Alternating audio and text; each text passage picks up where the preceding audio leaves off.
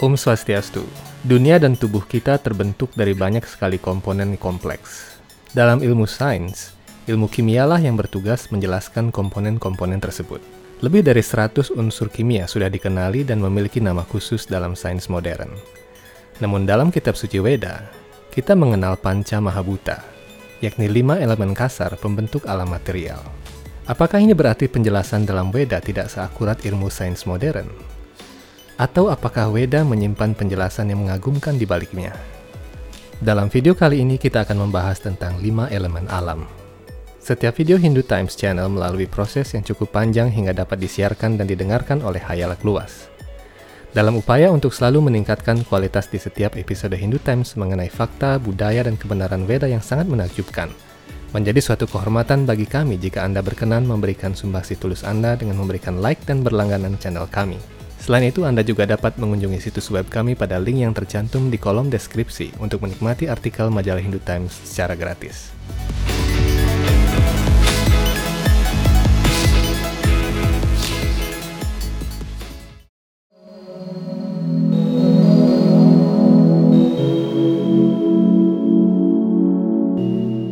Kitab Suci Weda menjelaskan segala sesuatu dari sudut pandang Daivya atau rohani, sehingga hal menyangkut alam material kadang-kadang dijelaskan dengan cara dan bahasa yang sederhana. Hal ini dikarenakan tujuan Veda adalah mengajak umat manusia untuk kembali ke dunia rohani. Namun bukan berarti penjelasan Veda tidak akurat. Kitab suci Veda dapat menjelaskan banyak hal dengan hanya satu kata sederhana. Seperti contohnya kata akasa, vayu, teja, apah dan pritivi, yang tidak semata-mata berarti ether, udara, api, air, dan tanah secara harfiah. Istilah itu digunakan dalam bahasa Sanskerta untuk menggambarkan elemen material kasar dengan ciri-ciri dan sifat-sifat tertentu. Tuhan menurunkan cabang ilmu yang mempelajari tentang cara kerja alam material dan alam rohani yang disebut Sankhya Yoga. Ketika beliau turun sebagai Resi Kapila, putra Dewa Huti, semua ilmu pengetahuan berasal dari Tuhan Sri Krishna sendiri. Pengetahuan bukan hanya sekadar kumpulan buku berisi rumus dan tulisan yang rumit, Ilmu pengetahuan yang Tuhan turunkan adalah dalam bentuk kesadaran rohani. Pengetahuan Veda ini hanya bisa dipahami jika seseorang memiliki rasa tunduk hati dan hormat kepada otoritas pengetahuan, yakni kitab suci Veda itu sendiri dan para acarya. Dalam kitab suci Veda Bhagavata Purana, Risi Kapila menjelaskan bahwa masing-masing unsur alam memiliki ciri-ciri khusus dan berdasarkan ciri-ciri itulah semua elemen di alam material ini bisa digolongkan ke dalam salah satu di antara lima unsur material. Tabel periodik unsur kimia modern digagas oleh Dmitri Mendeleev berdasarkan pada jumlah proton dalam setiap atom. Akan tetapi, kitab suci Veda menyampaikan bahwa suatu unsur material dibedakan berdasarkan ciri-ciri dasar setiap unsur itu. Jadi tidak mengherankan bahwa Veda hanya menyebutkan lima unsur material saja.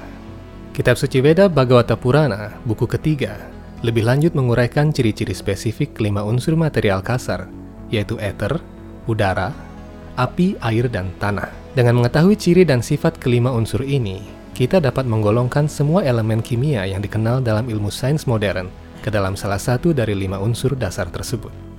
Kitab Suci Veda Bhagavata Purana, buku ketiga, bab 26, ayat 24, menyebutkan ciri elemen ether dapat diamati dalam fungsinya sebagai penyedia ruang bagi keberadaan semua makhluk hidup, baik di dalam maupun di luar, yakni lapangan kegiatan dari udara kehidupan, indria-indria, dan pikiran.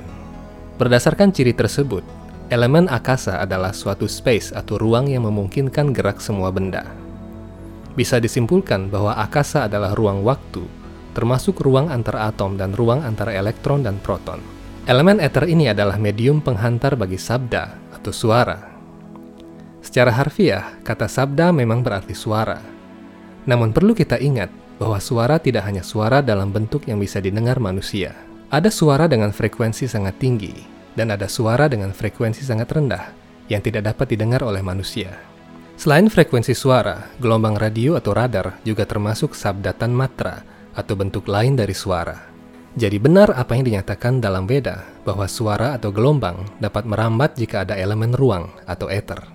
Weda Bhagavata Purana menyatakan, sabda diterima oleh Shrauta Indriya atau indria pendengar. Secara sederhana, indria ini bisa dianggap telinga kita. Tetapi antena radio, receiver wifi, mikrofon, bluetooth maupun pendeteksi radar juga memiliki fungsi menangkap gelombang yang fungsinya tidak berbeda jauh dengan fungsi telinga.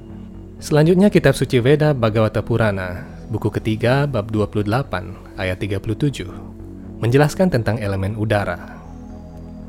Elemen udara atau vayu dapat dirasakan dalam gerakan dan sentuhan. Ia memberi ruang dan menghubungkan sesuatu dengan objek suara dan persepsi indera yang lainnya, dan menyediakan fungsi yang normal bagi indera-indera. Dari ayat tersebut dapat dipahami bahwa elemen udara atau vayu membuat suatu benda dapat dirasakan kehadirannya melalui gerakan dan sentuhan. Hampir semua unsur gas dalam tabel periodik termasuk unsur udara atau vayu. Elemen vayu tidak hanya ada dalam wujud gas, ada juga elemen vayu dalam wujud cair dan padat. Indium contohnya adalah elemen vayu dalam wujud padat. Elemen ini dicampur dengan timah dan digunakan sebagai bahan dasar layar sentuh. Layar sentuh adalah salah satu perangkat yang memanfaatkan karakteristik elemen wayu sebagai pengantar sentuhan dan gerak atau sparsa, sehingga muncul istilah sparsika yantra. Jadi bukan hanya kulit yang berfungsi sebagai indera peraba, namun juga layar sentuh dalam ponsel Anda. Kemudian kitab suci Veda Bhagavata Purana, buku ketiga bab 28 ayat 40, menyebutkan tentang elemen api. Elemen api atau teja dikenali dengan cahayanya dan kemampuannya untuk mematangkan sesuatu, mencerna, menghilangkan dingin, menguapkan dan menciptakan rasa lapar, rasa haus, serta aktivitas makan dan minum. Elemen teja dikenali dengan cahayanya. Dengan kata lain, elemen api atau teja bisa memantikkan api. Potasium dan litium adalah contoh elemen teja dalam bentuk padat. Potasium akan meledak ketika terkena air, sedangkan litium adalah bahan utama yang digunakan untuk menyimpan arus listrik dalam baterai litium. Sebagaimana diuraikan dalam Bhagavad Gita dan Rigveda Samhita, bahwa listrik dan petir adalah salah satu wujud elemen api. Di dalam tubuh manusia terdapat unsur teja yang berbentuk cair, yang berfungsi mencerna, yaitu asam lambung atau HCl. Dalam wujud gas, contoh elemen teja adalah oksigen yang berperan dalam oksidasi makanan dan menciptakan aktivitas bagi sel-sel tubuh. Karena kehadiran oksigen inilah, sel-sel tubuh melakukan metabolisme dengan menyerap makanan ketika tubuh merasa lapar dan kemudian membuang sisanya. Fungsi lain elemen teja adalah sebagai media penghantar objek, rupa, atau bentuk. Karena adanya cahaya, mata sebagai caksu indria bisa melihat sensor cahaya, sensor panas, sensor X-ray di bandara, kamera, kartu VGA pada komputer Anda, dan PlayStation, handycam, dan layar ponsel Anda juga adalah jenis caksu yantra yang memanfaatkan sifat elemen teja agar bisa berfungsi. Unsur penting untuk membuat penangkap cahaya pada perangkat itu adalah perak, germanium, dan gallium. Peralatan-peralatan modern yang terbuat dari elemen teja akan rusak ketika terendam dalam air atau unsur apa. Ironisnya, alam sekitar dan tubuh manusia terdiri atas banyak unsur air sehingga tidak jarang peralatan-peralatan modern ini memiliki efek negatif pada kesehatan dan juga alam. Selanjutnya dalam Veda Bhagavata Purana, buku ketiga bab 26 ayat 43 dan 44 dijelaskan mengenai unsur air. Unsur air dikenali dari kemampuannya melembabkan unsur lain, mencampur berbagai bahan, menyebabkan rasa puas, memelihara kehidupan, melembutkan sesuatu, mengusir rasa panas, terus-menerus menyuplai dirinya sendiri dalam sumber air, dan menyegarkan dengan cara menghilangkan haus. Air adalah bahan perekat bagi elemen-elemen material lainnya. Air yang diminum sehari-hari sudah tentu termasuk dalam elemen apa, karena air adalah elemen dasar penyusun kehidupan. Di lemari pendingin ada CFC yang bisa menyerap panas dan mempertahankan suhu dingin. Silikon juga adalah salah satu elemen apa yang ramah bagi tubuh. Silikon biasa dipakai untuk semikonduktor pada perangkat elektronik. Elemen apa atau air juga berfungsi mengantarkan objek rasa Organ yang mampu menerima objek rasa adalah jiwa indria atau lidah yang senantiasa berair guna menghantarkan rasa. Saat lidah kita kering, kita tidak dapat merasakan rasa apa pun. Ilmu pengetahuan modern belum mampu menciptakan alat-alat yang memiliki fungsi seperti elemen apa, karena elemen apa atau air adalah unsur yang lebih kompleks dari teja. Karena elemen apa atau air adalah unsur yang lebih kompleks dari elemen teja. Membuat alat seperti alat pentransfer rasa terdengar mustahil dan tentunya akan memerlukan penelitian yang sangat lama. Bayangkanlah di suatu tempat, Anda bisa memfoto makanan dan mentransfer rasanya ke dalam ponsel Anda. Peralatan seperti itu akan bisa dicapai jika manusia mempelajari unsur-unsur air. Dalam Veda Bhagavata Purana, buku ketiga bab 26, ayat 46, disebutkan tentang karakteristik elemen terakhir, yaitu elemen pertiwi atau tanah. Elemen tanah bisa dikenali dari kemampuannya untuk digunakan sebagai bahan bentuk, tempat tinggal, sebagai tempat penampungan air, dan sebagainya. Dengan kata lain, elemen tanah adalah tempat bernaung elemen-elemen lainnya. Menurut uraian tersebut, unsur besi, tembaga, emas, dan sebagainya termasuk elemen tanah. Semua bahan itu bisa digunakan untuk membuat arca Tuhan sesuai petunjuk Weda. Tempat bernaung semua elemen memiliki maksud bahwa dalam elemen pertiwi atau tanah juga terdapat elemen apa, teja, wayu, dan akasa. Sebagai contoh, unsur uranium yaitu bahan dasar dari bom atom yang termasuk elemen pertiwi. Manusia modern hanya bisa mengekstrak elemen teja atau api dari uranium dalam bentuk ledakan bom atom. Namun kita tidak pernah terbayang bahwa senjata air juga bisa diekstrak dari uranium. Pada zaman Mahabharata, senjata-senjata api dilawan dengan senjata air, dan itu diekstrak dari unsur yang sama. Elemen pertiwi atau tanah adalah media penghantar objek ganda atau bau Hidung dapat mencium bau karena dihantarkan oleh elemen pertiwi. Baru-baru ini, alat pendeteksi bau sudah berhasil ditemukan. Namun jika dilihat dari fungsi elemen pertiwi sebagai penghantar bau, bukan menjadi hal mustahil untuk alat transfer bau berhasil diciptakan. Tentunya hal tersebut masih terdengar sangat mustahil bagi kita saat ini, dikarenakan keterbatasan ilmu pengetahuan modern. Sains dalam Weda ini bisa menjadi dasar penelitian ilmiah yang sangat luar biasa.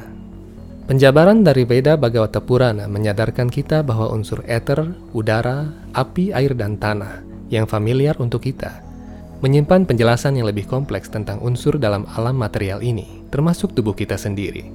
Kelima unsur ini juga bisa menjadi jembatan unsur yang lebih halus. Kemajuan ilmu pengetahuan modern belum mampu menjangkau elemen yang lebih halus ini. Namun yang perlu diingat bahwa kelima elemen ini ada untuk membantu indria-indria kita untuk lebih dekat dengan Tuhan. Alangkah baiknya jika tubuh kita kita gunakan sepenuhnya untuk kegiatan rohani.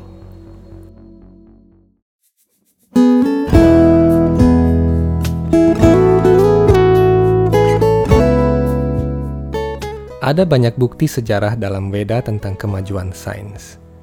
Teori-teori ilmiah modern seperti teori string yang berhasil mengungkap bahwa atom-atom pada dasarnya terbentuk dari frekuensi suara membuktikan keberadaan elemen akasa dalam Veda. Tentang bagaimana Veda membuktikan kebenaran teori-teori ilmiah modern akan kita bahas dalam episode-episode mendatang. Sampai jumpa dalam video-video Hindu Times Channel selanjutnya. ॐ सन्ति सन्ति सन्ति ॐ शम्भु ब्रह्ममारपाति गानशाचित पादो। जगन्नाथ स्वामी स्वामिनायन्नपाता गां भवतु मे। माहं बोधि स्थिरकानका रुचिरे निलशीकारे Ruchire Nilashikare Vasan Prasadanta Sahaja. Balabhadrina Balina. Madhya sakala. Surasewa Vasarado Jagannatha Swami Nayana Patagami Bhavatune